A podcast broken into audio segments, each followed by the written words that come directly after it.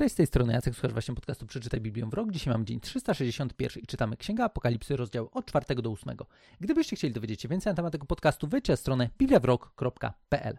Dzisiaj przechodzimy już do części Księgi Apokalipsy, tudzież objawienia, tak jak już wcześniej wspominałem, w której niejako z ziemi jesteśmy przeniesieni do nieba i z perspektywy nieba właśnie Jan ogląda to, w jaki sposób ma się rozwijać dalej historia ludzkości. I na samym początku, tak jak też wspomniałem o tym w poprzednim odcinku, chciałbym, żebyśmy spojrzeli sobie na kilka sposobów, w jaki można podchodzić do Księgi Objawienia. I teraz, w moim odczuciu, każdy z tych sposobów ma jakieś różne swoje uzasadnione podejście, z którego my dzisiaj jesteśmy w stanie skorzystać. I w pewien sposób też już odnieśliśmy się do kilku z nich. Z jednej strony, to co dla nas jest najbardziej ekscytujące i wzbudzające emocje, jeśli chodzi o podejście do księgi objawienia, to jest podejście związane z przewidywaniem przyszłości, z tym w jaki sposób, jakie wydarzenia będą się działy, co będzie się działo, kiedy, jaka będzie kolejność i tak dalej. I do, te, do tego stopnia to może dojść, że są ludzie, którzy, wiecie, siedzieliby z gazetą i po prostu, okej, okay, dobra, pojawia się nagłówek, bum, w Księdze Apokalipsy znajduje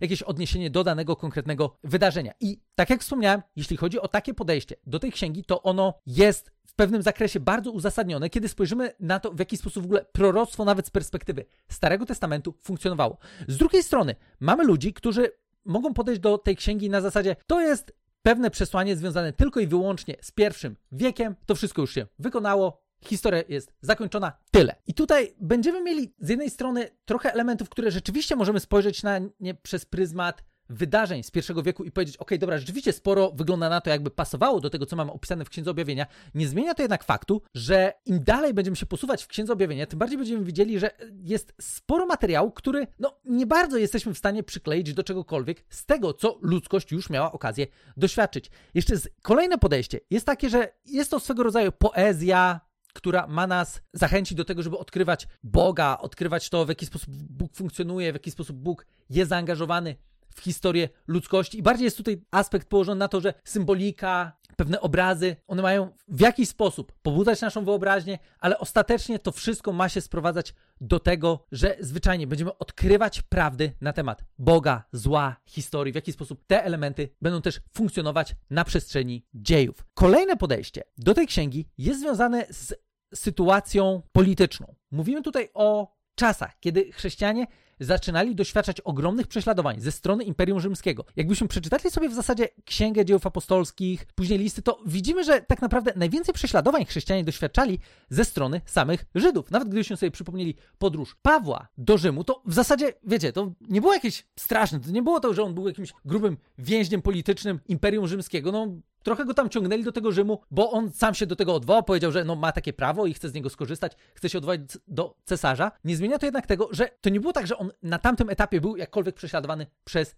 Imperium Rzymskie. To zaczęło dziać się później. I tutaj chociażby od czasów cesarza Nerona, który też zresztą będzie postacią, do której odniesiemy się w jednym z odcinków. I teraz, pamiętając o tym, że chrześcijaństwo wchodzi w miejsce, gdzie zaczyna być prześladowane ze strony samego imperium, Tutaj też pojawia się to takie spojrzenie, że jest to takie bardzo antyrzymskie przesłanie, które znajduje się w księdze objawienia, mające być zachętą dla pierwszych chrześcijan do tego, żeby trwali wiernie przy Bogu, żeby w żaden sposób nie wrócili do pogaństwa, pokazując, że ostatecznie Bóg jest zwycięzcą i jakiekolwiek opcje religijne na dłuższą metę nie są w stanie się utrzymać, bo to Bóg jest jedyną osobą, która rozkłada karty historii. To są takie ogólne podejścia do tej księgi i tak jak wspomniałem, w moim odczuciu każdy z nich w jakimś tam zakresie ma swoją rację bytu i gdzieś musimy znaleźć swoje miejsce w tym, żeby się odnaleźć w tych różnych spojrzeniach i tym, w jaki sposób my z nich skorzystamy do tego, żeby jeszcze lepiej ta księga była w stanie pomóc nam odkryć Boga, Jego plan dla ludzkości, jak również to, w jaki sposób my w tym planie możemy się odnaleźć. I teraz, przechodząc do tekstu, który mamy na dzisiaj, zaczyna się od tego, że w czwartym rozdziale mamy wizję nieba. Jan pojawia się w sali tronowej samego Boga. I znowu, opis, który tutaj się pojawia, jest spektakularny, potężny.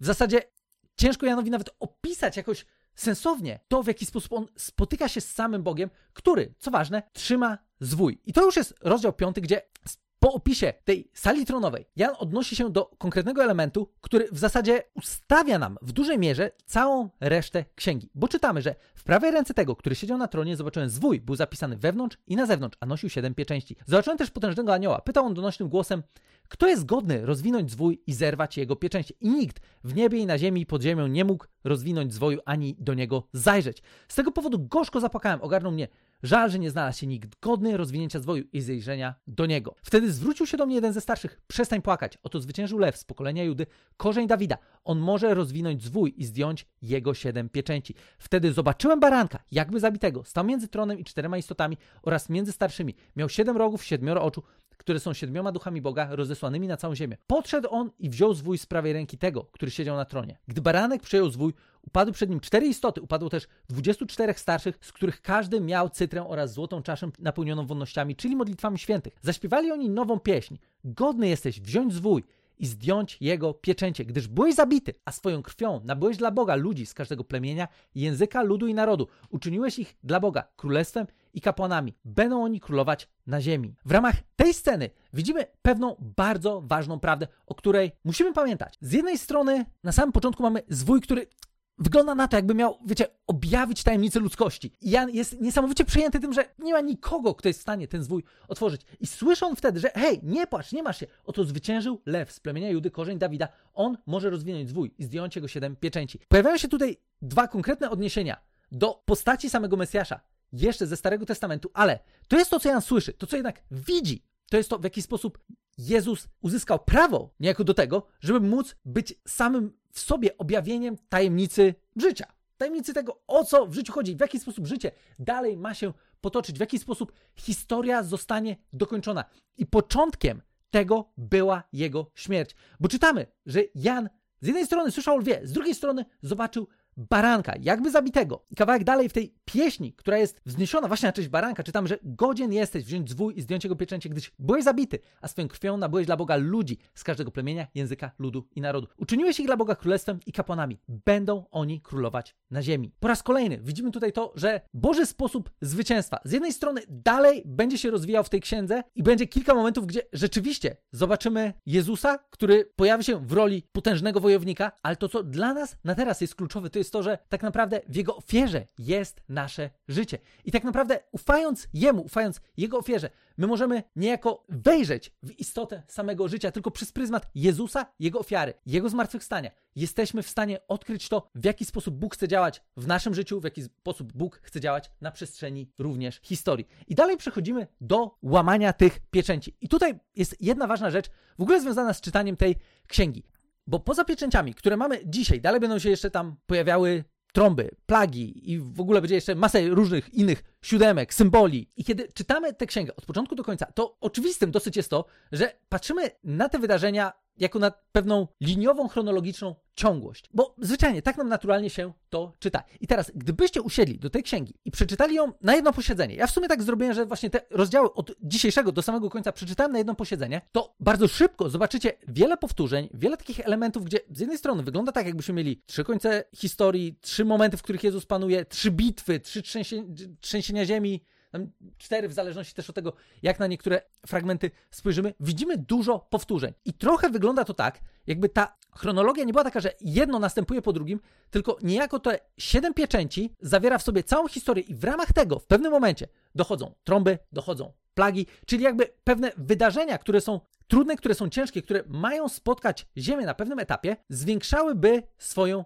intensywność. Co więcej, gdybyśmy spojrzeli na pierwsze cztery pieczęci to i odnieśli to do Ewangelii Mateusza 24 rozdziału, gdzie Jezus też sam zapowiadał pewne znaki końca, to znowu zobaczymy, że jest tam sporo powtórzeń, sporo takich elementów, które są tożsame zarówno w tych pieczęciach, jak i w tym, w jaki sposób Jezus zapowiadał czas związany z końcem. Mówię o tym dlatego, że ogólnie ułożenie sobie chronologii tej księgi jest naprawdę dosyć karkołomne. I samo złapanie jej przesłania, pomimo tego, że z pozoru takie ogólne przesłanie jest dosyć oczywiste, będzie ciężko, ale ostatecznie Bóg zwycięży. Tyle. To patrząc na to, jak, jest, jak są ułożone wydarzenia, w jaki sposób one na siebie się nakładają, w jaki sposób pewne trudności, które mają przyjść na Ziemię, zwiększają swoją intensywność. Z czasem ostatecznie dochodzimy do momentu jednego ostatecznego zwycięstwa, które nawet z perspektywy właśnie tej księgi i tych rozdziałów, które mam dzisiaj, jutro, one się powtarzają. Tak naprawdę mam kilka miejsc, gdzie widzimy, jakby Bóg zwyciężył, a później znowu znowu coś dalej zaczyna się tam dziać. W tym wszystkim zachęta dla nas jest taka: pomimo trudności, jakich możemy doświadczać, pamiętajmy o tym, że Bóg jest ostatecznym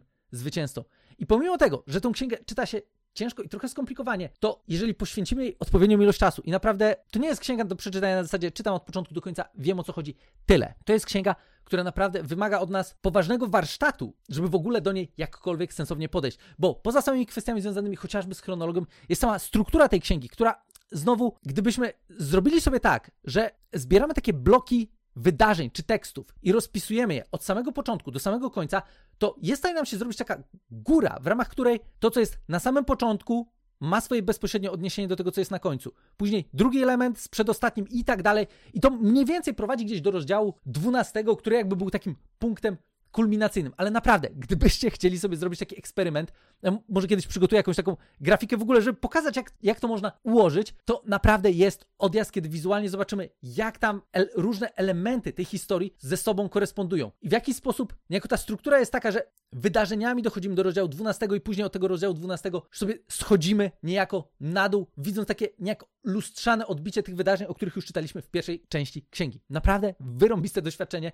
Jeżeli chcielibyście sobie to w taki sposób rozrysować, to jest to naprawdę ciekawe, kiedy widzimy, ile tam jest elementów ze sobą powiązanych, w jaki sposób one są ze sobą powiązane i tym bardziej wtedy widzimy to, że podejście do tej księgi na zasadzie przeczytam ją od początku do końca, no zwyczajnie nie załatwi nam sprawy. Pomimo tego, że ogólnie przesłanie będzie dla nas jasne.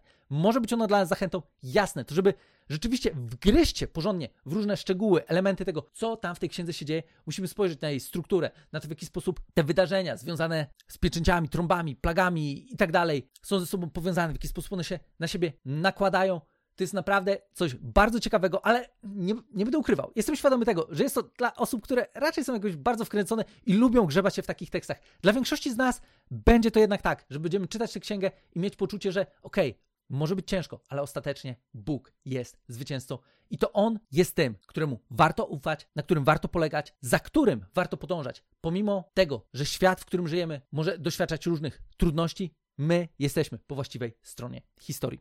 Tyle z mojej strony na dzisiaj. Gdybyście mieli jakieś dodatkowe pytania, chcieli dowiedzieć się czegoś więcej, możecie wejść na stronę bibliawrok.pl bądź napisać do mnie na adres jacekmałpa.bibliawrok.pl i do usłyszenia w kolejnym odcinku.